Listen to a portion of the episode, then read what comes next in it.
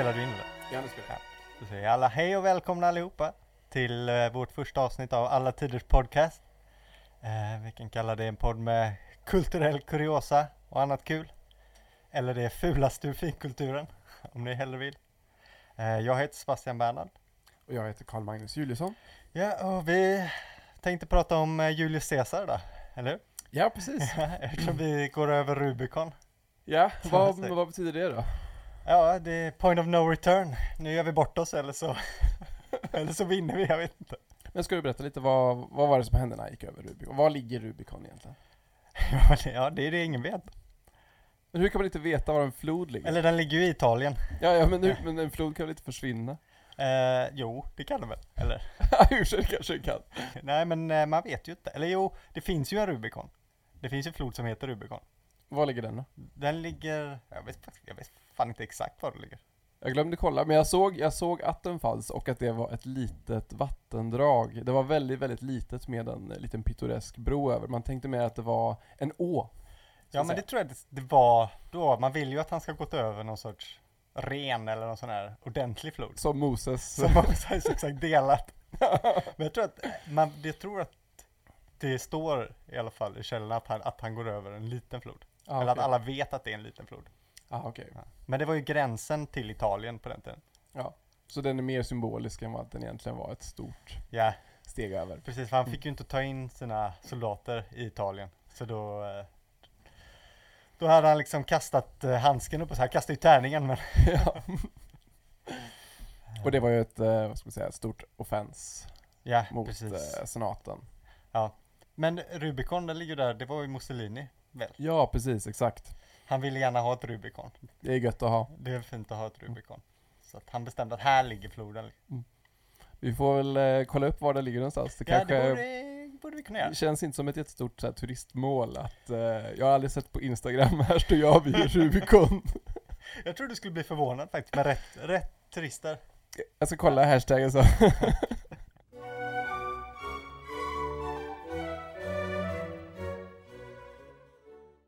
Ska vi prata om, om Julius Caesar, vem var det och hur, hur vet vi någonting överhuvudtaget egentligen om honom?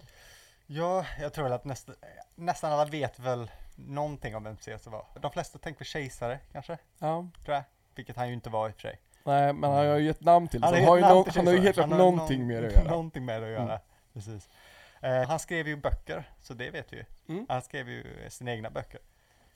Bello Gallico, Bello Gallico, riktig, riktig god klassiker. en riktig bladvändare ska jag säga.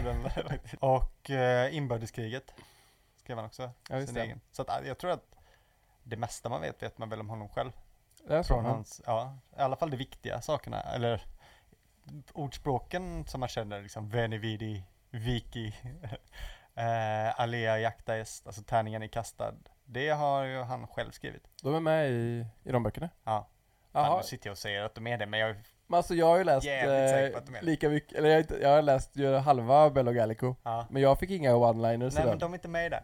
Vil- vilken är du med i då? De är med i den andra inbördeskriget. Jaha Okay. okej. Bello Civile eller något i den. Då borde man ju ha fått läsa den istället. Ja, jag kan tycka det, men den är inte lika, jag vet inte varför man inte läser den. Jag tror den är tradigare mellan ordspråken. ah, okej. Ja. Men då borde jag lyfta ut de De passagerna borde ha lyft ut dem. Men du kunde ju redan dem. Ja exakt. Ja, Ja, läsa dem. ja, ja, sant, sant, sant. Men okej, Bello Gallico, då handlar det då alltså om, det är hans skildring av de galliska krigen och hans erövringar. Ja, precis. Det är väl det han är mest känd för. Ja. Nästan. Nästan. För alla har ju läst Asterix, vet att Caesar erövrade Gallien. Eller hur? Men Ja. hur, hur trovärdig är Asterix då egentligen? Ja, alltså Gallien blev ju erövrat i alla fall, så så mycket. För jag, tänk, jag tänkte på det när jag, eh, när jag kollade, ja vad heter det? Eh, jag- Okej, jag, jag såg om Asterix i, och Julius Caesar. Ja, Den jag så- otecknade. Ja, det är det tecknade Den såklart. tecknade. Ja. Den, Ja, ja. och, ehm, och jag menar där de då ehm, har det här racet. Och då har de ju på Colosseum. Ja. ja, har de det? Ja, i, Ja. I, i alla fall den tecknade versionen så har de det här eh, stora racet i alla fall. På Colosseum. Och det är ju inte så rätt. Nej. Nej, man racear ju inte på Colosseum gärna. Och att Colosseum byggdes väl 100 Ja, det år. byggdes ju 100 år efteråt, efter att han eh, dog. ja. Eller nej, det är Vespasianus. 80, 80 efter ungefär. Är väl, 80 efter, ja. tror jag det är byggt. Ja, Så 120 år efter. ja något sånt Så där. det är jätte, jättefel Ja, men man vill ju ha med alla hits. Ja, Det är ju För det är ju väldigt häftigt när man ser eh, den tecknade filmen, det är ju väldigt, väldigt stämningsfullt. Ja. För man får se att Colosseum är ju helt, och så är det väldigt så dunkelt, natt, skymningsljus i blått. Och så är det här, eh, eh, Obelix är ju förälskad i hon, eh, hon, Falbalar, vet hon? jag kommer inte ihåg vad hon heter. Nej. Och hon är då fängslad på Colosseum och sjunger Ah. väldigt, väldigt vemodigt så, så det ekar över liksom hela Colosseum och det är väldigt, eh, det är väldigt sorgset, väldigt stämningsfullt. Ja, nej, det låter fantastiskt. Jag önskar att det vore sant. ja, exakt. Men det fanns ju inte där, Nej. det fanns ju inte där. Tyvärr är ju Asterix Obelix inte namn som jag tror att de har plockat från. För annars är det ju ofta att man plockar i, eh, liksom Rome till exempel, har ju plockat sina namn från eh, The Bello Gallico. Ja, ja. De, eh, vad de nu heter, det var länge sedan jag såg den. Pullo, Titus Pullo och Ja. Lucius Vorenus, tror jag. ja. De nämns ju bara i någon mening okej. i The Bello Gallico. Som riktiga soldater. Ja, så riktiga Mm. soldater. De utför någon bragd, jag kommer inte... För att, eh, om du kommer ihåg från grammatik, när, när vi läste latinsk grammatik som Ja. alla gör, så finns det ju, vad är det? Det eh, possessiva dativet är ju eh, scutum eh, poloni, tror jag. Alltså, Jaha, har, har han fått ge namn till det? ja. Va? Eller liksom, det är typexemplet på det possessiva dativet i alla fall. Titus, eh, nej, ehm, Pollo hette han då ja. ja. Ja, ja. Pollos sköld. Är, Pullos sköld är ett typexempel på possessiv dativ. Så han var känd på den tiden också? Ja, jag antar det. Uppenbarligen. Ja, Han ägde helt enkelt? Nej, han ägde inte. det var det. Just det. Det var det ganska- första skämtet som är, någonsin har utförts på podd om possessiv dativ. Ja, förlåt. Ehm, men jag tror Asterix Obelix tror jag inte är Annars är ju Asterix fullt av referenser till Caesar. Ja, Han pratar ju tredje person i Asterix ju, Caesar. om sig själv. Ja, Caesar ja, gör. ja, det gör han ju faktiskt ja. Och det gör, för det är ju för att böckerna är skrivna i tredje person. Så att även om Caesar har skrivit om sig själv så skriver han ju som om det var någon annan som skrev. ja. Han har kanske pluggat ehm, latin när han var ung då kanske och tvingats sig igenom. Tvingas säga igenom det. Ja, för, för de är ju inte så roliga, Bello Gallica var ju inte så rolig läsning. nej, den är inte så rolig Alltså, läsning. det är ju, jag skulle säga det finns ju mycket böcker som är roliga där folk krigar och han eh, spöar eh, liksom galler och eh, den här, heter han Vercingetorix? Vercingetorix. Ja. Ja precis, det är, det är ju ganska så här taskig politiskt spel så att säga. Men ändå så är det inte så roligt att läsa. Det hade kunnat vara jättespännande. ja, nej det är faktiskt eh, ja, Men då är ju Suetonius, Suetonius som jag kanske ska uttala det roligare. Ja exakt, ja Till verkligen. exempel om man vill veta om Caesar. Suetonius skrev ju långt senare, i och för sig, hundratalet efter Kristus, eh, sina kejsarbiografier. Varav det första, eh, måste det vara, Ja precis. är om eh, Julius Caesar. Och den är ju, det, hela den boken är ju otroligt rolig läsning, men Caesar-kapitlet står ju inte efter.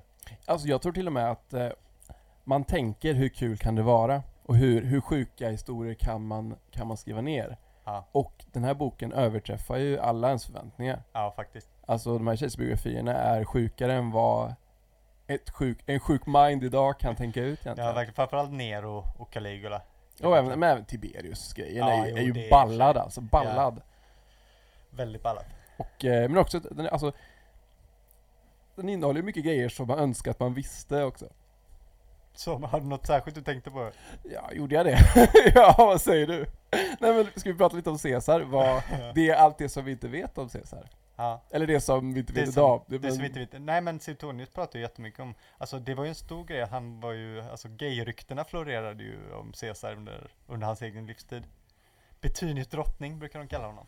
Betynius drottning. Betynius drottning, precis. För att han, eh, ryktet gick ju att han hade legat med kungen av Betynien, Nikomedes. Och han var då alltså den passiva Den parten. passiva parten, precis. Han var ju ung. Ja det är ju viktigt. att- Den dåliga, den den dåliga, parten. Ja, för man var ju inte, man var inte bög så att säga, man satte på någon. Nej, Det är exakt. bara man blir på så att Ja. Ja. Den härliga antika logiken. Exakt. Exakt. Ja men det finns väl någon, det finns ju en inneboende logik i det på något sätt. Ja, precis. Ja. Främmande men uh, det finns där. Mm.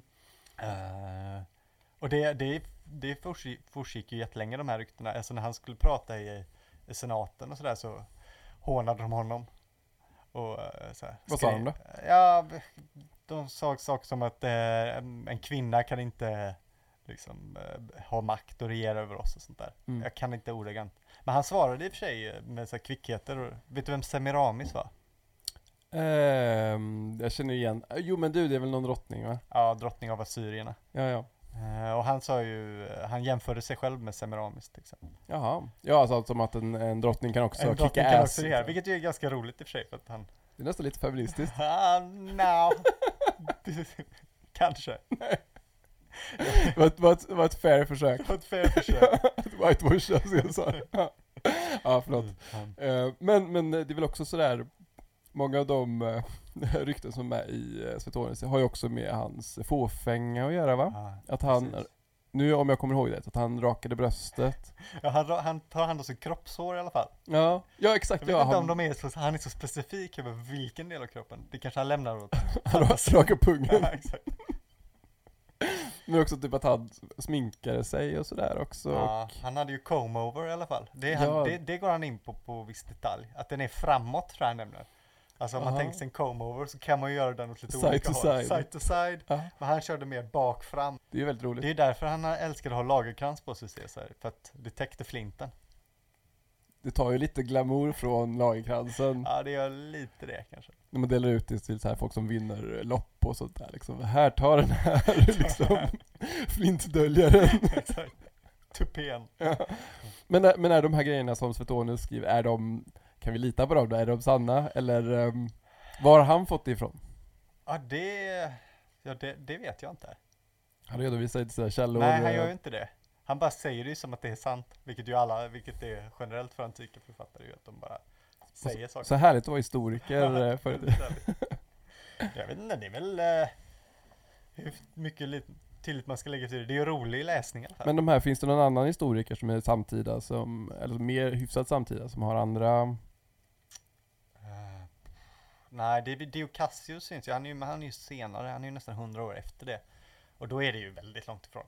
Ja, men reproducerar han samma bild eller liksom har han, eh, verkar som att han har andra källor typ? Eller? Eh, för i så fall, det kan ju finnas källor han är som vi inte har längre. positivt inställd. Men det har nog att göra med att eh, Suetonius vill ju måla upp bilden av Caesar som en tyrann egentligen, eller som en monark. Mm. Så att alla de här hänvisningarna egentligen till fåfänga, homosexualitet, de har ju att göra med att försöka likna honom vid en grek. Liksom. Ja, Alltså hellenisera grek- honom. Ja, exakt. Hellenisera honom. Gör att han ser ut som en grekisk kung.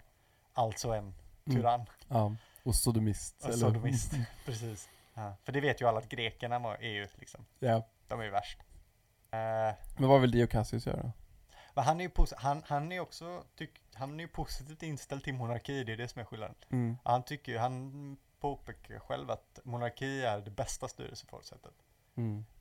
Om jag inte minns helt fel så säger han ju att en, en, en eh, dålig kung är bättre än en, än en bra folkmassa. Det är lite radikalt. Det är lite radikalt. Ja. Ja, Han har någon, eh, historien har visat, säger han, att, att monarki alltid är att föredra framför demokrati. Kungen vinner alltid. Kungen vinner alltid. Exakt. Men Su- Suetonius är alltså, eller Suetonius? Suetonius. Jag vill säga Svetonius. Ja, jag vill säga, ja men det kan du göra. Det är nog, det är mer. Ja, det får jag, det får jag göra. Ah, Okej, vad bra. Alltså jag är ingen. Nej men jag tänker du har bättre koll på eh, uttalanden än vad jag har. Man, jag borde ha bättre koll, men det, det är inte samma sak som att jag har bättre koll. Men, ehm, men var han, var han då alltså, han var ändå, kunde han vara pro-republik då? liksom? Jo, det verkar så i alla fall. Han lever ju, alltså, han lever ju under de goda kejsarna, som de kallas. Eh, Ja, ja, ja. När är det? Alltså, Alltså, han- Aurelius typ? Eh, han, han är tidigare Trajanus, mer Nerva, mm. den tiden. Och det är samtida med Tac- Tacitus. Och han är också Mm. negativ till Augustus till exempel, Ja. och kejsarna. Så jag vet inte, det verkar väl ligga lite i tiden kanske. De hade lite mer yttrandefrihet och um, Ja, de här nya kejsarna kanske inte tyckte det var farligt med republikaner som sprang omkring. nej.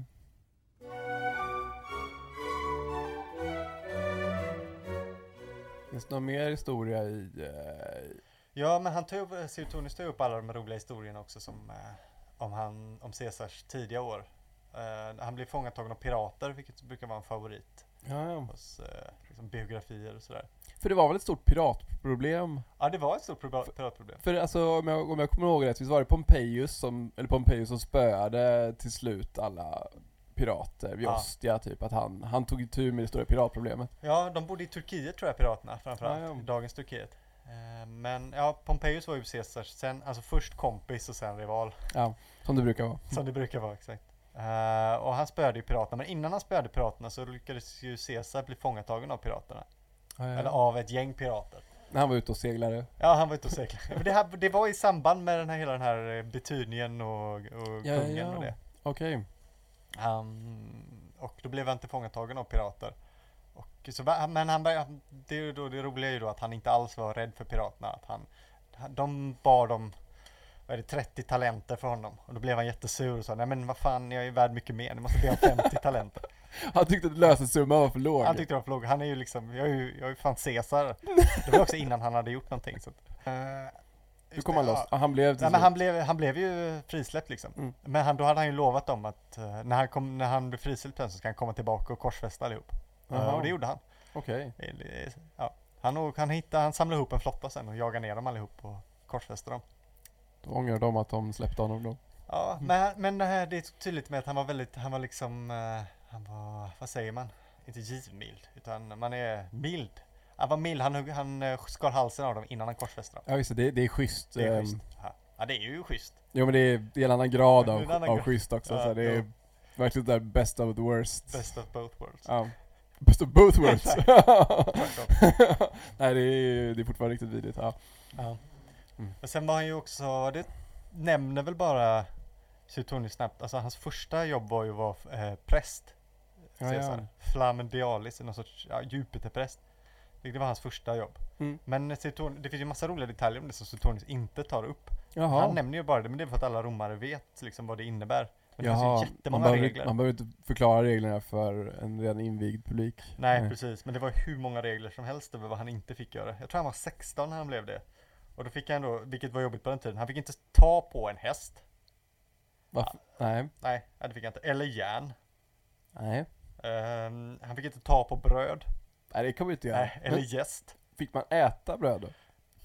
Det, det är inte en av reglerna, att man får äta bröd, men det är svårt att äta bröd. Antar, vet inte om munnen räknas som att ta. Nej, ta, du tar med handen. Du tar med handen. Ja. Ja. ja, men då får vi någon stoppa det i Du, munnen. blir, ba- du får bli matad helt enkelt. Ja, ingen bröd, inget jäst, ingen jäst, inget jäst bröd då. Nej, Det ingår ju lite i den. Inga bönor. Nej, men det är väl inget gott. Jag vet inte vad det är med bönor. Kommer du ihåg pythagorerna? Alltså Pythagoras, ja, han ja. med satsens, Han med satsen, ja. han med satsens efterföljare. De fick ju inte heller äta bönor. Var inte han vegetarian? Jo. Vad, åt han då då? Ja, inte, jag vet inte. Sallad? Inga bönor? Har du med gas i magen att göra? Kanske. Kanske. Ja, men det, jag vet inte vad bö... Ja. Eh, nu ska vi se, det fanns massa med grejer. Ja, inget att Han fick inte ta på eller ge namn åt en hund. Alltså Nähä. namnge en hund. Vad, vad, det är jätte, vad tråkigt. Ja, nej. nej. Hoppas han inte hade en. Så fick han inte döpa, eller, men någon annan kan ju döpa den åt honom. Ja. Ja, Ja. jo det är sant. Det här, alltså den här regeln är också lite konstig. Att han fick inte, han fick inte sitta vid ett bord där det inte fanns mat. Det här är väldigt konstigt. Ja, är Men konstigt. också, men också han, hur, hade de så mycket bord då? Nej, jag tänker nej man- det är väl det. Jag, jag tänker att de ligger vid sådana där eh, goa divaner typ. Jo men det gjorde de väl bara när de skulle käka liksom fest. Ja, ja okej. Men annars hade de ett helt vanligt hade- sådär, eh, vanligt fyrkantigt bord.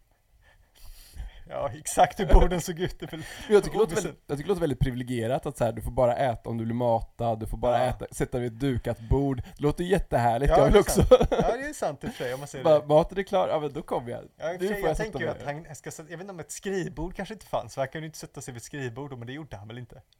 Han skrev, han dikterade väl? Ja Han exakt. hade ju, ja. De hade ju slavar till allting så att det var ju Ja, inte så att de behövde Men sen var det väl också, han var ju tvungen att ha speciella kläder på sig Det var väldigt viktigt, om han var utomhus var han tvungen att ha sina speciella kläder på sig han, var, han fick inte vara naken utomhus, vilket också, är det ett problem? Får man vara det annars? I och för sig bad, badhuset, Ja. de badade ju väldigt mycket Men det är ju inomhus då. Ja, men det var offentligt tror jag, så han får inte Jaha, vara ja, naken ja, offentligt. okej. Men i alla fall. Eh, han var tvungen att ha sina speciella kläder och han var tvungen att ha en spetsig hatt. Och en eh, stor ullkappa.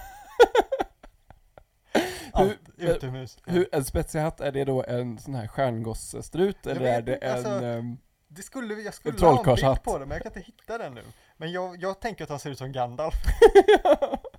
att han går runt liksom i en så stor grå slokhatt. Det är inte så han ser ut eh, på alla de här häftiga avbildningarna från... Eh, Nej, de tog en senare Caesar. Det här är ju tonårs-Caesar liksom. han, han måste ha varit som Harry Potter typ. Ja, precis, just det. Varför ville han bli en sån här präst då? Ja, det var väl ett steg in i karriären. Liksom. Ja. Offentligt eh, ämbete. Men kom han, kom han från en tät familj? Uh, ja, han kommer ju från en väldigt fin familj. Julia- Ju- Julius. Julia, Gens Julia. Ja. Eh, De är ju, de var ju nästan finast. De ju, går ju tillbaka till Aeneas och, och via honom eh, till Venus, kärleksgudinnan. Mm. Enligt dem själva i alla fall. Men det verkar inte som att någon sa emot. Så. Om man inte får välja sitt ursprung. Ja, ja, jag skulle kunna, ja. Men, eh, men de hade ju inte så mycket pengar när han växte upp. Eller, alltså det var inte så farligt, men han växte upp i Suburran. Ja, ja. var Mm. Roms slumområde. Eh, Men Som gett, för, gett namnet till förort då, Ja, eller suburb. suburb, suburbanus. Ja, under stan, Ja, eller hur? Eller suburben blir det väl, Ja. under staden. Ja. precis. Ehm, och, eh, men alltså de ägde ju hyreshus, de var ju med en hyresvärd liksom. Så de Ja. ägde ju huset, ett stort hus de bodde i. Så det var inte så att han var sketfattig. Nej. Men om man jämför med de andra patricierna, alltså senatorsklassen och överklassen, så var de ju lite illa däran. Mm. Men de kunde ta sig fram på meriterna av sitt namn. Ja. Och sen var han ju eh, in, säger jag inte fel? Nej, ingift släkting med Marius. Ja, ja. Mm. Det kanske vi kan prata en annan gång, men Ja. Marius var ju så här, generationen innans eh, Han var ju lite Caesar innan Caesar. Ja verkligen, alltså Ja. det fanns ju rätt många Caesar innan Caesar. Ja. Det är ju lite att Caesar kanske ser unik ut om man bara ser det, men det, det, ju, det finns ju massa Caesars. Ja. Sulla var ju i och för sig på andra sidan, men ja, ja. Men Sulla hade ju den nackdelen att han blev gammal. ja, Därför minns vi inte honom på samma sätt. Han dog ju som en gammal gubbe liksom. Ja, och blev, han blev sving, svingammal till och med va? jo men han, till, för den tiden tror jag, han, blev inte så här 80 eller något sånt där. ja. Ja, alla bilder på honom ser han alltid gammal ut Ja. Men så här, hade han dött när han var 40, eller så här, nu vet inte jag när han började sina tåg där men Nej. så hade han kanske också varit en, eh, ja, Guds Ja, lik. ja det, det, det, det, det är ju väldigt tacksamt att bli mördad. Mm. Det ser ju bra ut. i historieböckerna Ja, precis. I alla fall om man har en bra efterträdare sen. Ja, precis. Ja men som, som vill en väl. Ja, precis. Så är det ju. Det beror ju det väl, beror ju på vinnaren. Hade Brutus Ja, lyckats eh, göra någonting av det där så hade kanske han hade ja precis. Gått till historien som en annan eh, tyrann. Ja, exakt. Mm. Det gick ju inte så bra. Nej, det gjorde inte det. Han var ju sämst. Allt man läser om Brutus känns det bara som att han är sämst. Tycker du verkligen Ja, det? jag tycker faktiskt det. Eller att han är, alltså han är väl, verkar väl schysst och så, men han är så dålig. Ja, man vill ju väl. Vill, ja, jo han vill Eller- väl det, men, men han är ju väl dålig på det. Jag är dålig på att vilja väl. Han är, han är dålig på att vinna, det är väl det, han är som en loser. Ja. Men alltså, men jag har ju läst den här Shakespeare-pjäsen nu, Julius Caesar. Ja. Och där är det ju uppenbarligen Cassius som är den stora jäveln.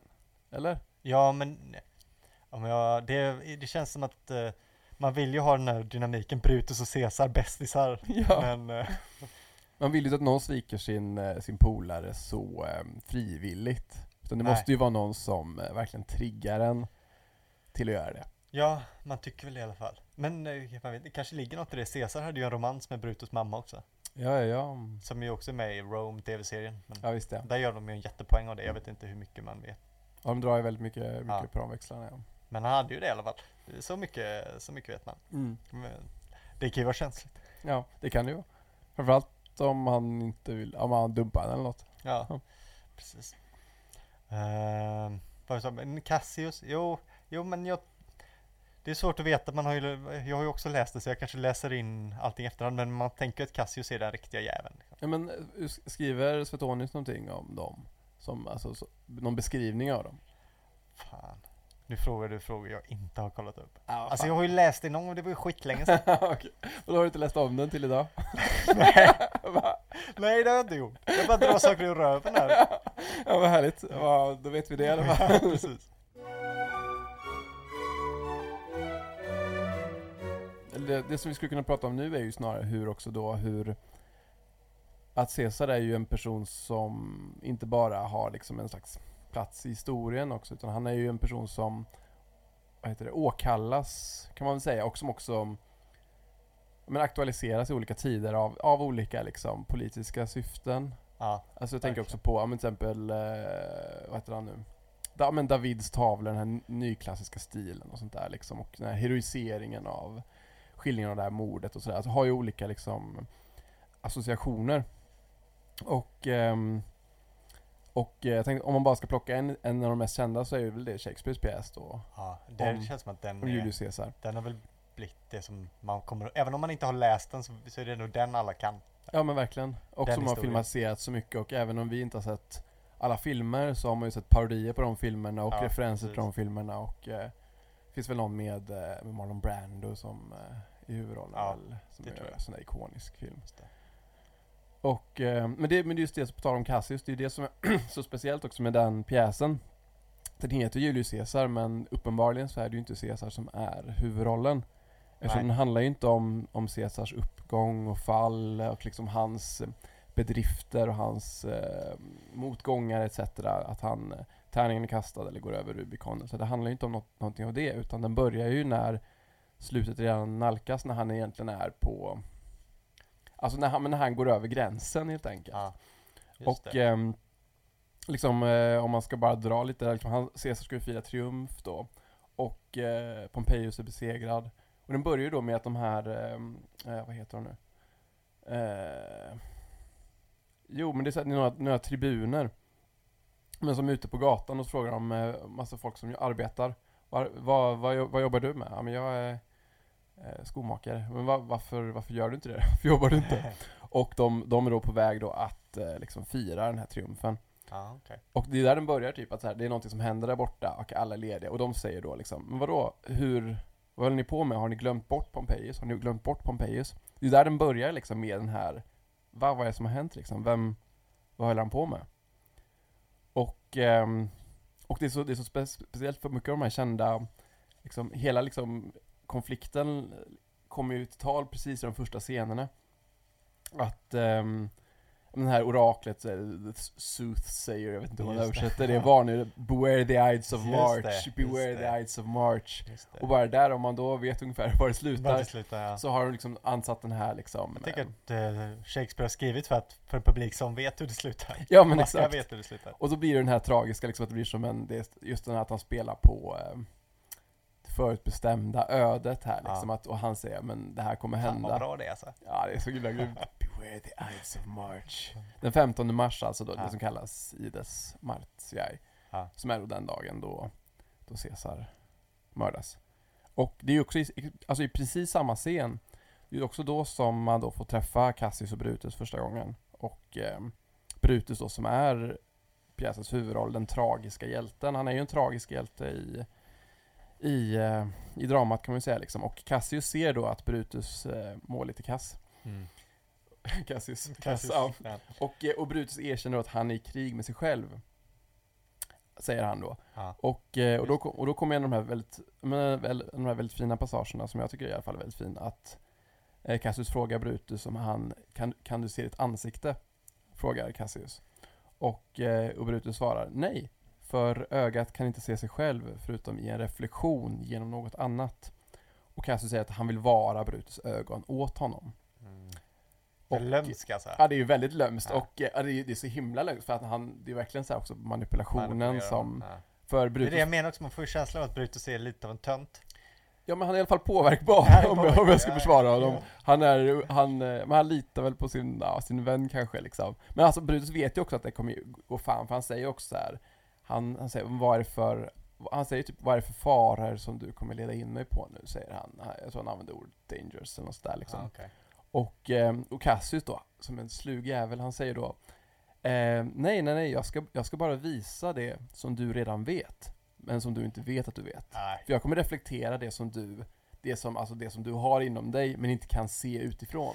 Säga det alla tänker men ingen vågar säga. Exakt, exakt. Det är ju, och det, det kommer komma tillbaka, så det är det som är så himla speciellt liksom i det här. För att, men vad är det då som, som Cassius då säger att han ser? Jo men det är ju det att Brutus då, han har ju då, han har ju slagits mot Caesar på Pompejus sida. Så han är ju egentligen, han är ju ideologiskt egentligen inte på Caesars sida utan han är ju liksom på eh, republikens sida. Ja. Och han har till och med det här fina, han, alltså han är ju en trogen republikan och har till och med det här släktskapet också ju. Just det, med den andra Brutus. Ja men, ja verkligen, den andra Brutus. För de som inte vet så var det ju eh, en Brutus som instiftade republiken till att börja med. Precis.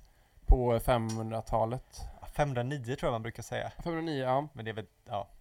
Och det, men, och det som hände då var ju att det var en kung då som absolut missbrukade sin makt. Han kallas väl eh, Tarquinius Superbus. Ja. Och som våldtog Lucretia. Lucretia ja. Exakt, som Ja. ju är... Hon var inte gift, vem var? Hon hade ju Det någon fin, hon hade ju fin påbrå och hade Ja, ju, men och, hon är eh, ju eh, släkt på något sätt med Brutus. Ja, ja men precis. Och, eh, och för att, för att liksom komma över den här skammen efteråt så tar hon livet av sig. En väldigt Ja, vanlig precis. tavl, alltså motiv under barocken och sådär. Ja. Och det, och det var ju det som också ås, alltså åsamkade monarkins fall. Just Det här, liksom, det här vanvördiga dådet som eh, Tarquinius begick. Ja, Den här våldtäkten liksom. Och det, det. Fick hela, republik, alltså hela monarkin att falla liksom. Ja. Det finns ju massa roliga historier om Brutus innan det. Om han får såna här... eh, han åker till Delphi och träffar oraklet där och då kommer att han, och han spelar ju dum. Lite som, som en Claudius liksom. Att han låtsas, han åker med några Tarquinier, prinsar och sådär. Och så spelar han ju dum hela tiden och låtsas att han inte kan prata ordentligt och sådär. Men han är ju den enda som förstår då att alla orakelsvar handlar ju om att han ska instifta republik och sådär. Ah, ja, det, fin- det är förutbestämt. Ja, så att säga. Och eh, men han har ju ändå det här liksom, han vet ju att det är, ju- det är ju en person av min släkt som har liksom eh, etablerat republiken. Ska jag då liksom se, se på när det och därför är han ju väldigt kluven. Ja, det är tunga grejer. Ja, ja men verkligen. Och, eh, men samtidigt så, så har ju då efter att eh, han stred på eh, Pompejus sida mot Caesar så har ju Caesar ändå omfamnat honom som en bästa vän och de älskar ju varandra och är liksom jättenära vänner. Och det är ju här som han då liksom har den här den här djupa, ja, men djupa inre, inre konflikten helt Ja. enkelt ju. Och, och Cassius spelar ju verkligen på den här, han ser ju att, liksom att eh, det finns en ideologisk eh, liksom, eh, ja, men, konflikt här och, eh, och börjar då prata skit om, eh, om Caesar ju och säger, berätta, han, han drar en jättekonstig historia ju om att de, det var någon gång när de hoppade ner i Tibern här och eh, inte. ja, men det, är, jä- det är liksom väldigt, det är liksom, det är ett, han håller typ ett tal om hur kass Caesar och han berättar då att de hoppar ner i Tibern av någon anledning och sen var det väldigt strömt. Och, eh, och Caesar typ orkade inte simma i land så att Cassius fick bära honom typ i land. och- Dålig historia. Ja, och, men det är också det är så sjukt där på tal om det att Caesar också är släkt med Aeneas. Ja, ja. Att ja, ja, eh, han, han använder den metaforen att han han- bär Alltså, eh, Han bär Caesar. ja precis som Aeneas bar sin farfar utifrån Ja, brinnande Kartago liksom. Ja. Ja. Precis sin far ja, precis. Det brinnande Troja. Ja, brinnande Troja, fan ja, ja. Ja, ja. Brinnande Troja var det. Och, eh, och, liksom, och han berättar att han, är, att han är feg och att han är dekadent och så, här. så han, liksom, han, han försöker verkligen svartmåla sig i den liksom, passagen. Och, och på det sättet också genom lite lur då, så eh, med, det här, med något brev typ, så lurar han ju- han ju då Brutus att gå med i den här konspirationen. Ja, okej. Och, eh, Så jag har ju läst den här men jag kommer inte ihåg de här detaljerna. Ja men det är så mycket detaljer Ja. när man liksom, om man väl gräver långsamt liksom. Och, eh, men vad händer efter det då? Jo men eh, den här varningen då, Beware the Ides of March, den, den liksom ligger ju kvar i Caesars bakhuvud. Och hans fru eh, Capu- Calpurnia Ja, är ju väldigt orolig, Calpurnia. är ju väldigt orolig liksom för det här. Ja men så här, ska det verkligen gå iväg och sådär. Ja, då har han, har han inte några syrliga kommentarer. Nej, men alltså han, ska vi se hur det är det nu, han... eh, Han är ju nära, han är ju nära, nej men han, det kommer ju en tjänare dit och, eh, och eh, han säger typ till tjänaren, men jag säger att jag inte kommer. Nej. Och så säger, säger den här tjänaren, men varför då då? Han bara, är du sjuk eller har du något annat åt? Han bara, nej men säg att jag inte vill bara. Han bara, men jag kan ju inte bara säga att du inte vill. Du måste ju komma till det. Det är väl ett- Ja. något senatssammanträde. Ja, det är är. viktigt. Ja, liksom han bara, men säg att jag inte vill. Och så, för han går ju med på att där, ja, men jag, jag, jag skiter i det här för, din, Ja. för sin frus skull, liksom, så här, för att ta bort den här oron. Liksom. Han är väl kanske lite orolig också. Ja, visst. Men, eh, men när han inte kommer på någon, någon bra skäl så går han ju så här, men det är säkert ingenting. Ja, det liksom. väl sig löjlig. Ja, Ja, men visst. Och eh, vad, vad ska han vara rädd för? ja Han är ska inte vara skrakig. Nej, men precis. Och, eh, och där blir han då mördad. Det är ju väldigt, alltså om man läser den här serien så är det ju inte så himla dramatiskt som man, det säkert är om man ser den liksom. Nej, Men det är klart. ja, de dödar honom under då den här parollen Liberty, freedom, tyranny is dead. Mm. Och Caesar säger de berömda sista orden då. Just Ett- det. Ett tu prut, ett, Ett brute, then fall Caesar. ja, ja, han säger det också ja. Ja, alltså det är roligt att man tänker att ett tu brute ska vara de sista orden. Det är så konstig sista. Ja. Men nej inte, han säger ju then falls i, i tredje person då. Det är tredje person. Ja. Och, för, och fall Magnus. Ja. Att att han, det, att det är ju inte de sista orden då.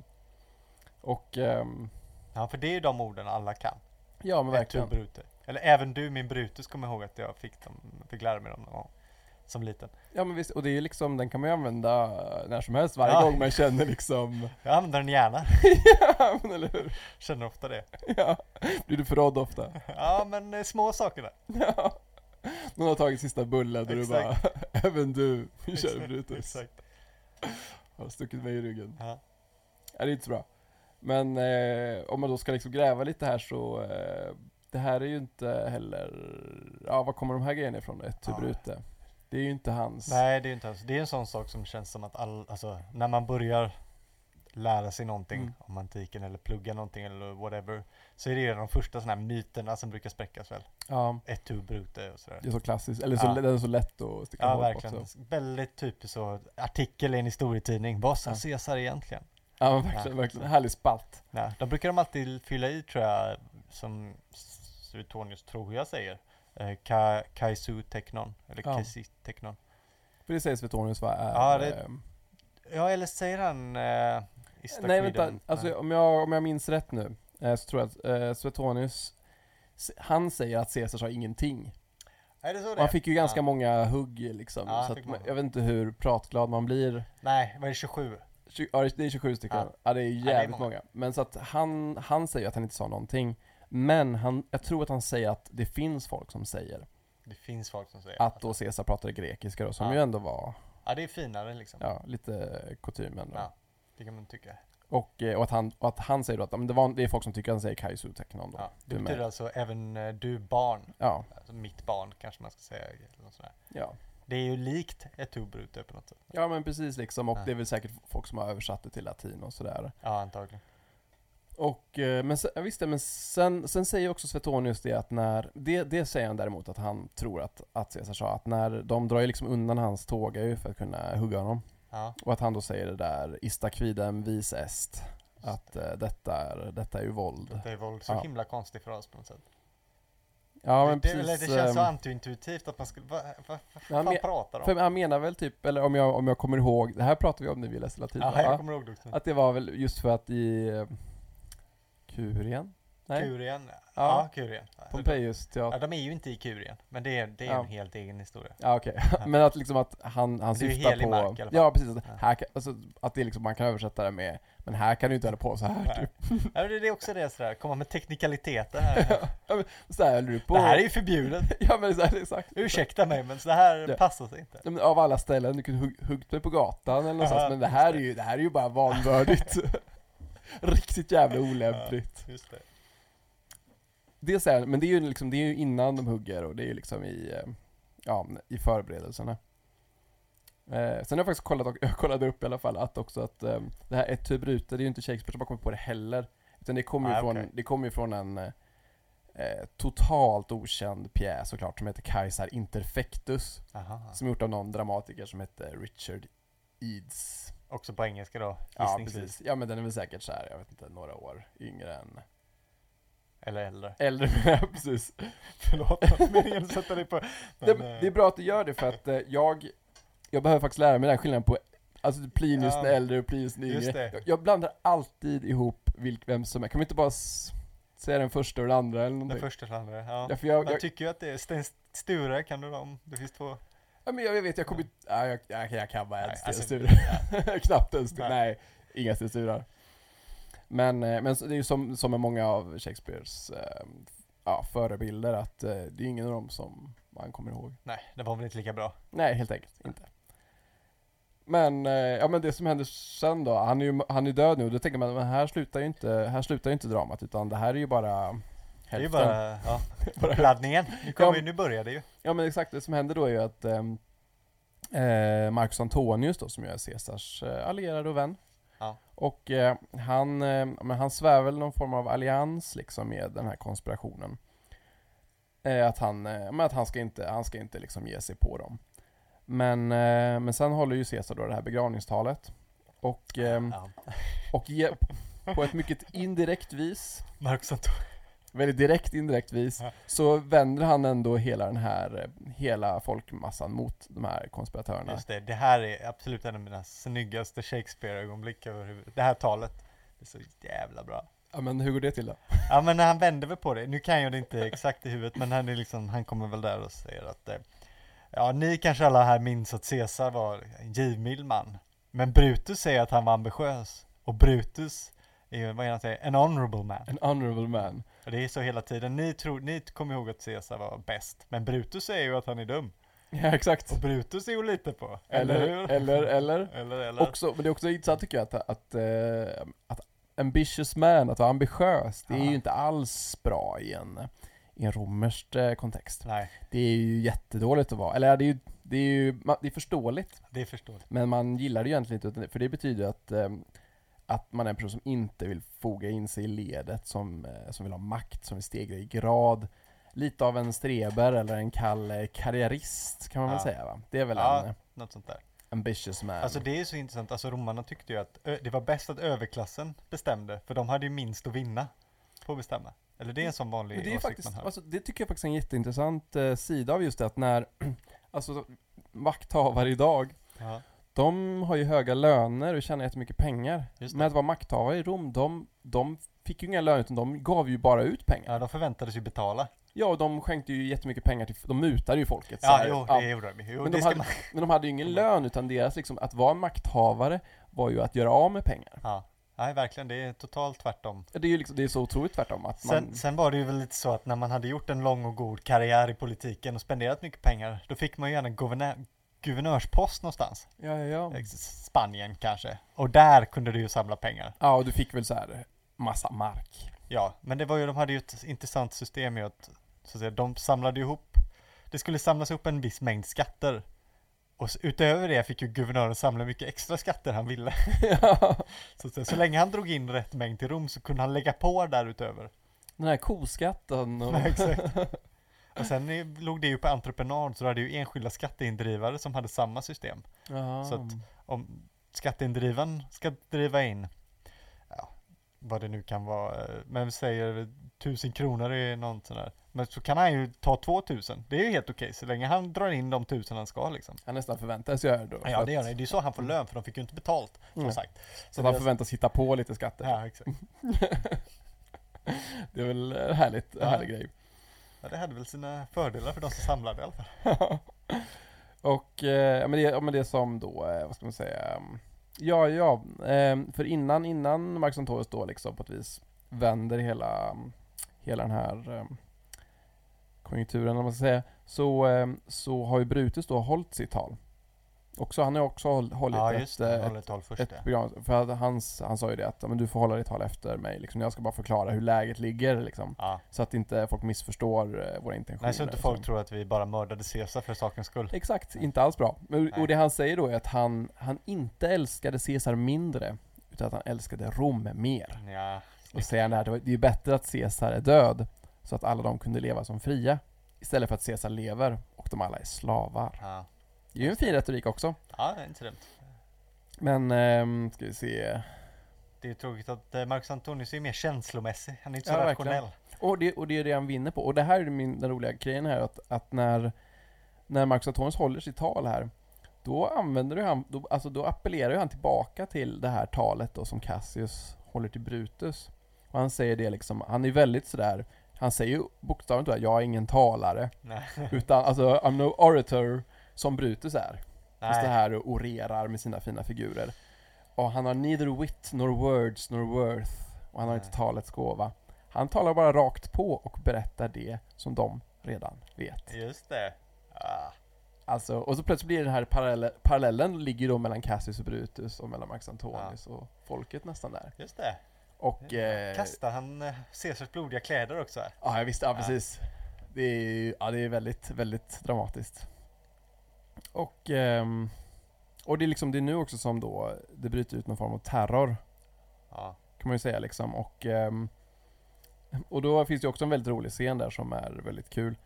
Ehm, eller ja, kul. Men han, ehm, han illustrerar, tycker jag, väldigt intressant just där vad, vad terror skulle kunna liksom gå ut på. Alltså det är den här liksom meningslösa våldet, det oriktade våldet.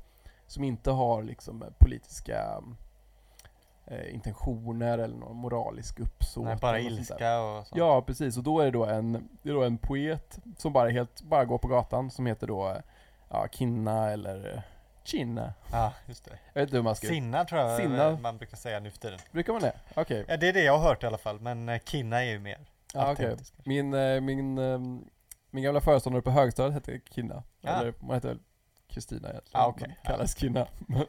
Men Sinna i alla fall. Ja, han är då på väg till Caesars begravning och han har inte varit med innan. Han är liksom ingen person Han, i... han vet inte vad som händer liksom. Nej, alltså, nej, han är bara en vanlig människa som är så här, här går jag och ska gå och liksom gå på den här begravningen. Ja. Som det är massa tjolabaloo liksom. Och eh, plötsligt dyker, dyker det upp då en, eh, ja, men en jättestor folkmassa. Som bara säger så här, men vem är du och vart är du på väg och vad heter du och är du gift och massa grejer liksom. Och han vet ju inte vad det händer så han bara, ja men eh, jag är det här och det här och jag är på väg till Caesars begravning.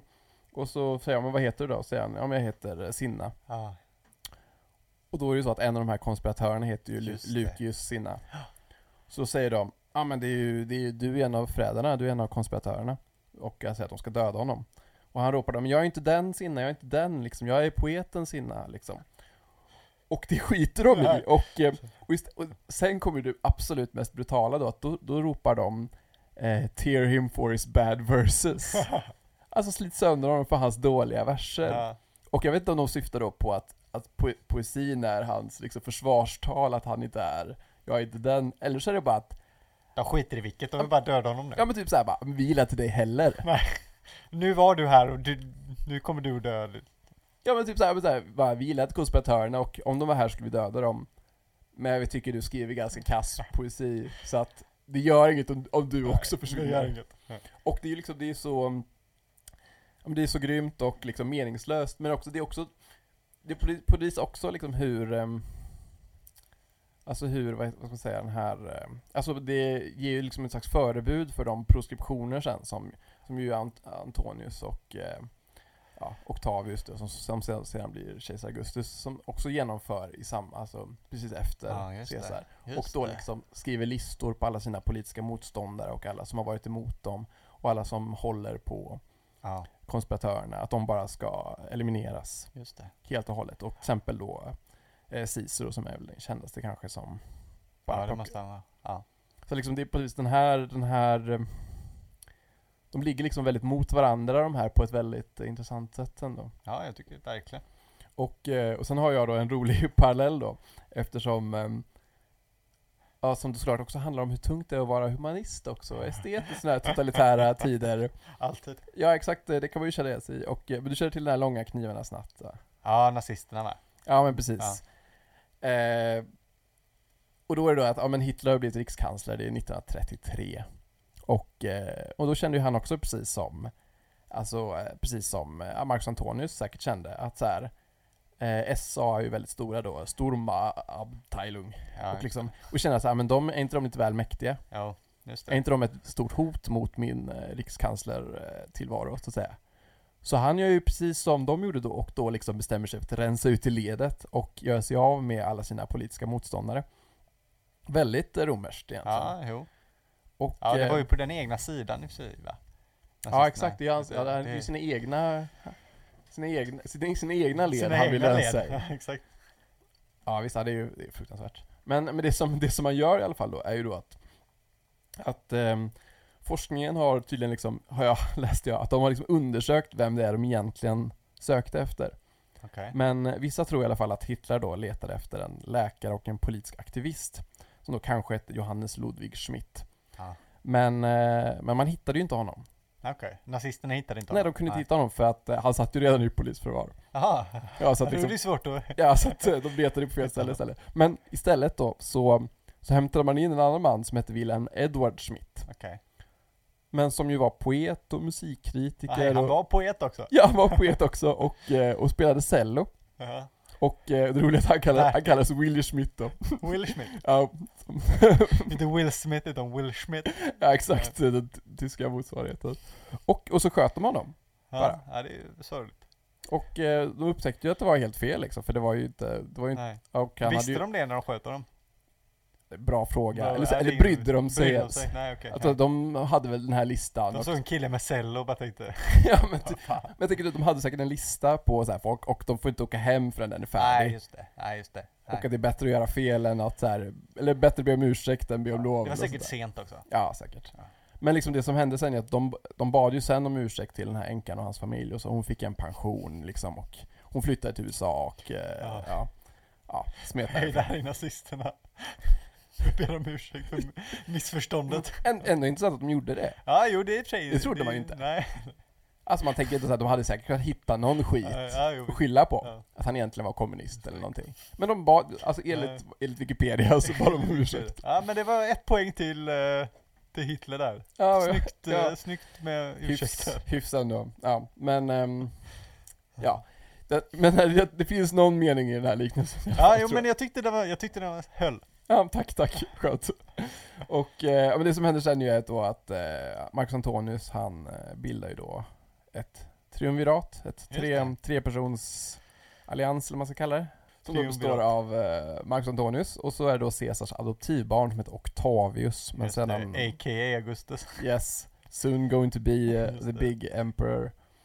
Och sen en herre som heter Lepidus. Och, eh, och då gjorde de här så kallade proskriptioner då, dödar alla konspiratörer och alla politiska motståndare. Och, ehm, och det som händer då är, alltså om man ska, slutet är nära och då eh, alla de här konspiratörerna då, de tar ju livet av sig då en i Ja. taget. För att eh, de är ju det här inbördeskriget och förlorar sakta men säkert alla, alla slag.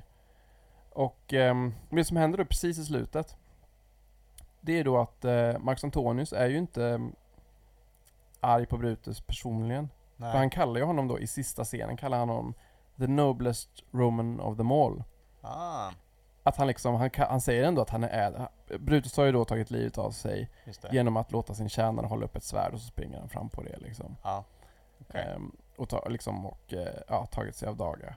Och, ehm, och det som, det som Marcus Antonius då menar, det är ju att eh, alla konspiratörerna och inte minst då Cassius, de vill ju döda Caesar av avundsjuka och girighet. Just det. Och ehm, De var bara sura ja. Ja, och vi, liksom, man får då liksom, alltså Caesar var väl populares.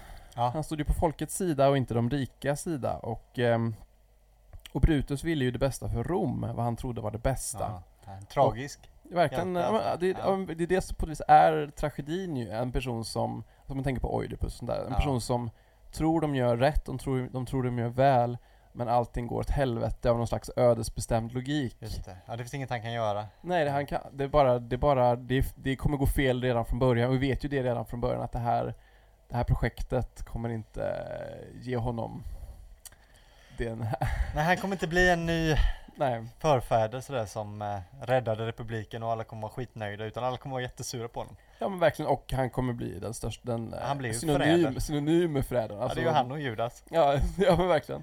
Som är de Ja. alla tiders största Verkligen. symboliska Precis. förrädare liksom. Och det är ju väldigt ändå intressant liksom. Och um, jag visste, och då säger också Antonius, han säger det liksom precis i slutet då, som jag, det tycker jag också är så fint då, med, med tanke på det som de säger i början. Att han säger det, and the elements so mixed in him that nature might stand up and say to all the world, this was a man. Ah. Och- Snyggt. Det är så fint, liksom att det som är Wow! Ja men eller hur? Det är ju så, det är så fint liksom och Ja men också att det finns, han är liksom, han är förvirrad att elementen i honom är i en, i en röra. Och, ehm, och precis som han sa i början då att han är i krig, hans sida, alltså, olika sidor i sig själv är i krig med varandra. Och eh, man kan säga att hans största synd då egentligen, alltså det är ju förräderiet egentligen enligt all, alla, alla våra traditioner. Ja. Men det är också att han var förvirrad bara, att han är liksom, han var egentligen bara en människa. Ja. Och då liksom tycker jag Shakespeare gör på ett att vi, man förlåter ju honom. Han trodde han skulle göra gott, det gjorde ont. Men, ehm, eller jag, alltså jag tycker när man lär, alltså det är inte så att ja, man nej, blir, absolut. man Men hatar ju eh, inte Brutus. Nej, inte efter den. Nej, det gör man väl. Jag vet inte om man någonsin hatar Brutus. Men jag vet inte. Jag, man, jag gillar honom liksom ändå inte. men jag tänker liksom så här, men, för jag tänker, men Judas, Ja. Han, Han, gillar man ju inte. Eller det finns ju, det finns ju finns- omberättelser där också. Ja. Jag menar, det är ju populärt att göra efter men han, eh, ja men det- typ så här, Missförstådd Judas. ja men eh, Amos Oz har ju en stor teori om Judas. Han, vadå för något? Det kommer inte Alltså den är rätt intressant, han menar ju i, ehm, jag vet inte, han har gjort en bok tror jag om, om Judas, men Amos Oz menar att att eh, Judas var egentligen den som älskade Jesus mest. Ja, Att det. han visste ju att han, att han, att han var en gud, eller, liksom, eller Guds son, liksom, att, han, att han, han var tvungen att dö och han, liksom, han kunde ju ta det, för han är ju inte en människa. Han är ju Gud Ja. liksom. Ah, ja. Så att han var egentligen den enda som trodde på Jesus så pass mycket. Att han var beredd att göra hela grejen. Ja men verkligen liksom att, att eh, menar då Amos och Os då. Ja, jag känner inte att den... den, den Jag är ju inte teolog så jag lägger mig inte riktigt med. Det, det känns lite som en efterkonstruktion. Eh, Ja det är det är det nog absolut Jo, liksom. jo, Men, jo, det är det ju. men, eh, men också att vi, jag vet inte, det kanske finns något sånt där behov också i vår tid att man vill psykologisera, man vill, att, man vill inte att föräldrarna ska vara helt onda, för det kan de ju inte ha varit. Nej, Eller? ja, men det är det. De behöver inte vara helt onda bara för att de Gör var de, var de onda ändå.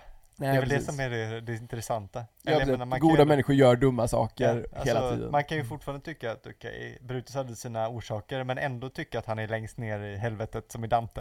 Ja, exakt, tuggad av Satan. Tuggad av Satan själv. Ja, För att han är förrädaren liksom. Det är ju det värsta brottet. men man tycker ju att Cassius är skiten. Jo, han är också med Ja, i. Cassius är den, den härliga trion. Den hela helvetrion. Men, ehm, ja, det är bara sådär. Döda en kompis alltså. Han är en dålig kompis.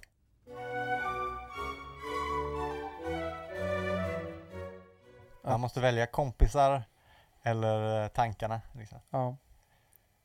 Och då är han en jävla orm. Ja, det är han. Alltid kompisar först. Ja. Där är reglerna. Fan, det är väl en bra slutsats det. Det är väl det. Ja. Ja. Nu, tar vi, nu tar vi och slutar dricka öl istället. Då. Ja, det tycker jag. Ja, Eh, okej. tack hej. Hej hej!